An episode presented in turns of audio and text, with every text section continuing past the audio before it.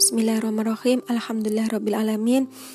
Puji syukur kehadirat Allah Subhanahu wa taala yang mana sampai saat ini kita masih diberikan nikmat kesehatan, nikmat kesempatan dan tentunya nikmat keimanan. Karena dengan nikmat keimanan itulah kita senantiasa mau untuk terus belajar mendalami Islam secara kafah. Apa yang kita lakukan semoga mendapatkan keridoan dan keberkahan dari Allah Subhanahu wa taala dan semoga Allah Allah senantiasa melembutkan hati kita untuk menerima kebenaran Islam. Salawat beserta salam tentunya tak lupa kita haturkan kepada junjungan Nabi kita Nabi besar Nabiullah Muhammad sallallahu alaihi wasallam yang telah membimbing kita dari alam jahiliyah hidayah menuju ke alam yang terang benderang, sang dan terbaik, manusia terbaik yang pernah ada di muka bumi ini. Semoga kita senantiasa mentauladani beliau dalam segala lini kehidupan. Semoga kita kelak di yaumil akhir diakui beliau sebagai umatnya. Amin, amin, ya robbal alamin. Pada buletin kafah pekan ini, kita akan membahas tentang pentingnya muhasabah di tengah pandemi. Pandemi COVID makin mencemaskan sejumlah warga terpapar rata-rata di atas 20.000 kasus per hari. Rumah sakit dilaporkan kolaps, pasien bertumpuk, bahkan tak lagi mampu ditampung. Tenaga kesehatan makin kewalahan, sebagian ikut jatuh sakit, sebagian lagi wafat. Nasib warga yang menjalani isolasi mandiri di rumah juga memprihatinkan. Sejumlah warga meninggal, Pasalnya, tak ada perawatan yang memadai untuk mereka. Tak kalah mencemaskan, terjadi, terjadi juga antrian di pemakaman dengan protokol COVID. Banyak kekurangan peti jenazah. Beberapa pemda menambah lahan pemakaman baru untuk memakamkan warga korban COVID yang terus bertambah. Musibah merupakan kuasa Allah Subhanahu wa taala. Bagi kaum mukmin, setiap musibah harus dihadapi dengan keimanan. Tentu agar tidak muncul persepsi atau sikap yang keliru. keliru. Pertama, seorang muslim wajib mengimani bahwa tak ada satupun musibah yang dialami melainkan atas kehendak Allah Subhanahu wa taala ada berada Quran Surat At-Taubah ayat 51. Tidak ada satupun musibah seperti bencana alam atau wabah terjadi begitu saja. Semua makhluk yang ada di alam semesta tunduk pada perintah Allah Subhanahu wa taala. Termasuk berbagai makhluk seperti virus atau bakteri penyebab wabah penyakit. Semua tunduk pada kekuasaannya. Bismillahirrahmanirrahim. Alam taro anna Allah yasjudu lahu man fis samawati wa man fil ardi wasyamsu wal qamaru wan nujumu wal jibal wasyajaru wad dawab wad dawab wa kathirum minan nas. Artinya, Tidaklah kamu tahu bahwa kepada Allah bersujud apa saja yang ada di langit dan di bumi juga matahari, bulan, bintang, gunung, pohon-pohon, binatang-binatang yang melata, dan sebagian besar manusia. Quran Surat Surat Al-Hajj ayat 18 Imam Al-Alusi menjelaskan bahwa yang dimaksud dengan sujud adalah masuknya segala sesuatu di bawah kendali Allah Subhanahu wa taala dan irodahnya serta kecenderungan pada apa saja yang Allah Azza wa Jalla adakan. Dengan memahami kenyataan ini, seorang hamba akan mengakui kebesaran dan kekuasaan Allah.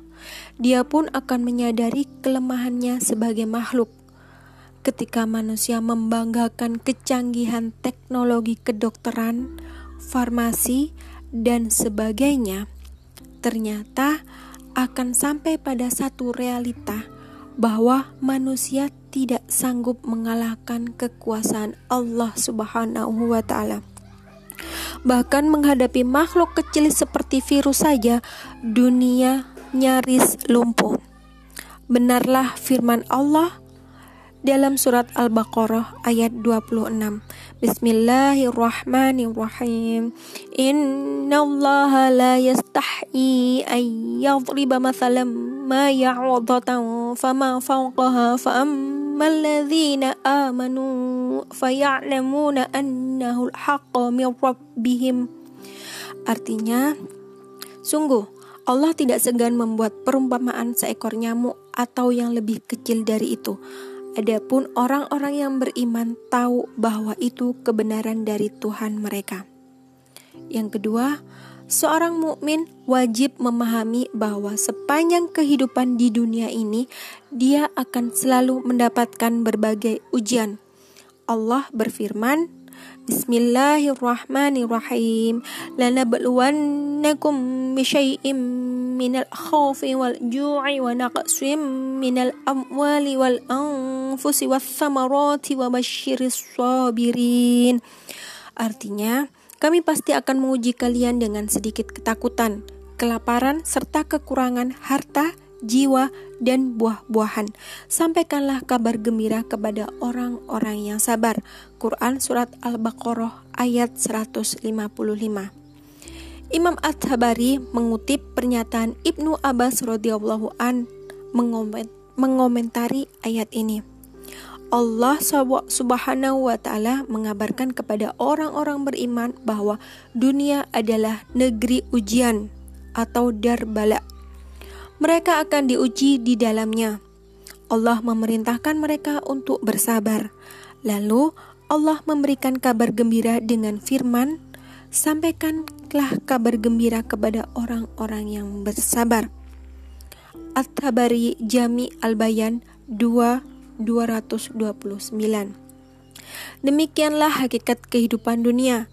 Tak ada seorang hamba pun melewati hidupnya tanpa ujian dari Allah Subhanahu wa Ta'ala. Jika ia bersabar, ia bersih dari segala dosa karena kesabarannya menanggung berbagai ujian. Sabda Nabi Shallallahu Alaihi Wasallam, seorang hamba senantiasa akan mendapatkan cobaan hingga dia berjalan di muka bumi dalam keadaan bersih dari dosa. Hadis riwayat At-Tirmizi.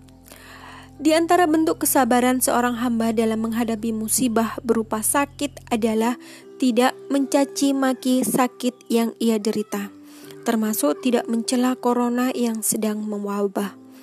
Diriwayatkan dari Jabir bin Abdillah radhiyallahu an bahwa Rasulullah pernah mengingatkan Ummu As-Saib yang mencela sakit yang sedang dia derita, yaitu demam.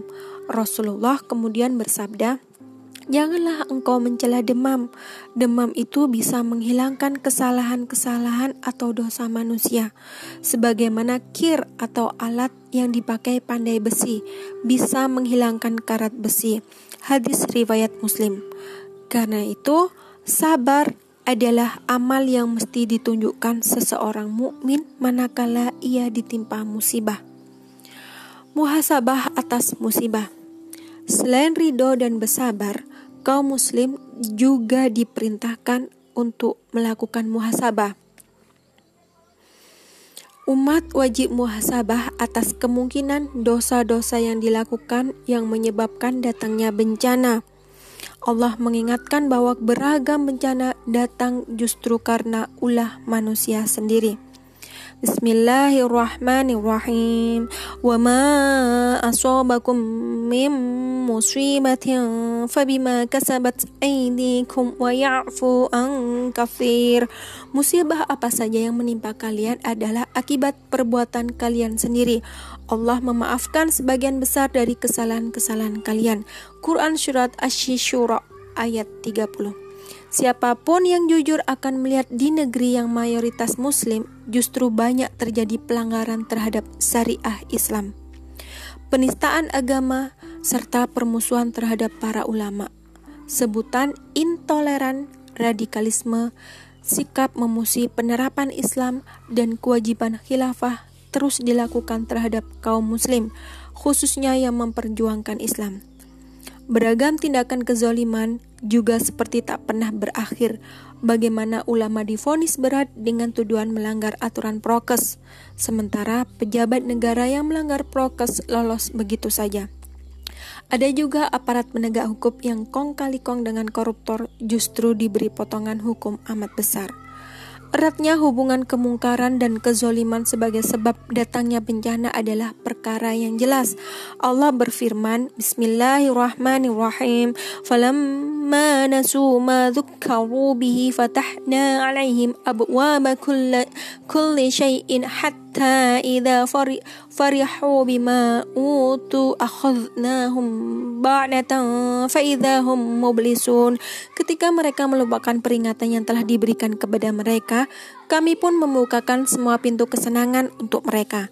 Lalu, ketika mereka bergembira dengan apa yang telah diberikan kepada mereka, kami menyiksa mereka secara tiba-tiba. Ketika itu, mereka terdiam putus asa. Quran Surat Al-An'am ayat 44 Rasulullah juga menjelaskan bahwa saat kejahatan, kejahatan merajalela, Allah akan memberat, mem, Allah akan meratakan bencana. Zainab binti Jahsy radhiyallahu an pernah bertanya kepada Rasulullah, "Apakah kita akan binasa wahai Rasulullah?" Padahal di sekitar kita ada orang-orang sahih. Beliau menjawab, "Na'am, idza kasarul khabathu." Ya, jika kemungkaran itu sudah merajalela. Hadis riwayat Bukhari. Benar apa yang dikatakan oleh Rasulullah, saat ini kemungkaran telah merajalela Lalu datanglah bencana yang juga menimpa orang-orang soleh. Selama pandemi ini dilaporkan ada sekitar 584 ulama yang meninggal karena wabah. Belum tentu para imam dan pengurus masjid, eh, belum termasuk para imam dan pengurus masjid serta para ustadz pembimbing umat lainnya yang juga wafat karena wabah. Karena itu, Selain berikhtiar mengerahkan kemampuan teknologi kedokteran dan obat-obatan, kaum muslim harus melakukan taubatan nasuha kembali kepada Allah dengan menaati semua aturannya. Mereka harus menjadikan agama Allah sebagai petunjuk, tidak memusuhi Islam, tidak menuduh Al-Quran dan syariah Islam sebagai ancaman. Berikutnya, umat harus menyadari bahwa mereka tidak memiliki kepemimpinan yang serius meriayah atau mengurus urusan mereka. Meledaknya pandemi kali ini adalah rangkaian ketidakseriusan pemerintah menangani wabah. Pemerintah tidak mau menerapkan prokes dengan ketat di tengah masyarakat. Pemerintah pun tidak mau menjamin kehidupan warga agar tidak beraktivitas di luar rumah. Sejak awal pandemi merebak di dunia, pemerintah terus membuka kedatangan WNA ke dalam negeri, termasuk dari Cina sebagai asal wabah. Bahkan ketika pandemi masuk ke tanah air, pintu imigrasi masih terus dibuka. Fatal akibatnya, corona varian Delta yang berasal dari luar negeri akhirnya merebak ke tanah air. Inilah tindakan yang justru mendatangkan madarat atas negeri ini. Ini sebenarnya telah diharamkan syariah. Nabi bersabda, "Siapa saja yang membahayakan orang lain, Allah akan menimpakan banyak kepada dirinya. Siapa saja yang menyulitkan orang lain, Allah pun akan menimpakan kesulitan atas dirinya." Hadis riwayat Abu Daud. Umat membutuhkan pemimpin yang benar-benar mau mengurus mereka dan melindungi mereka dari bencana. Pemimpin ini tentu yang mengurusi umat dengan syariah Islam, yang menanamkan iman dan ketakwaan kepada warga sehingga mereka menjaga diri dari berbagai tindakan madarat. Taat pada protokol kesehatan serta yang memberikan pelayanan kesehatan sebaik-baiknya, termasuk menghindarkan negeri dari sumber penyakit. Semoga Allah Subhanahu wa taala segera mengangkat wabah ini dari tengah-tengah umat dan negeri-negeri muslim. Semoga Allah menyegerakan tegaknya kepimpinan Islam yang melayani umat dengan syariah Islam daun, dalam naungan khilafah ar-rasyidah sesuai dengan metode kenabian. Amin. Uh, tidaklah musibah turun melainkan karena dosa, tidaklah musibah hilang melainkan dengan tobat. Ibnu Al-Qayyim Al-Jawab Al-Kafi halaman 87. Terima kasih buletin kafa bulan uh, pekan ini sudah selesai. Semoga kita selalu diberikan ketakwaan, keimanan, dan keistiqomahan untuk terus mempelajari tentang Islam secara menyeluruh. Terima kasih, berjumpa lagi dalam Buletin Kafah pekan depan.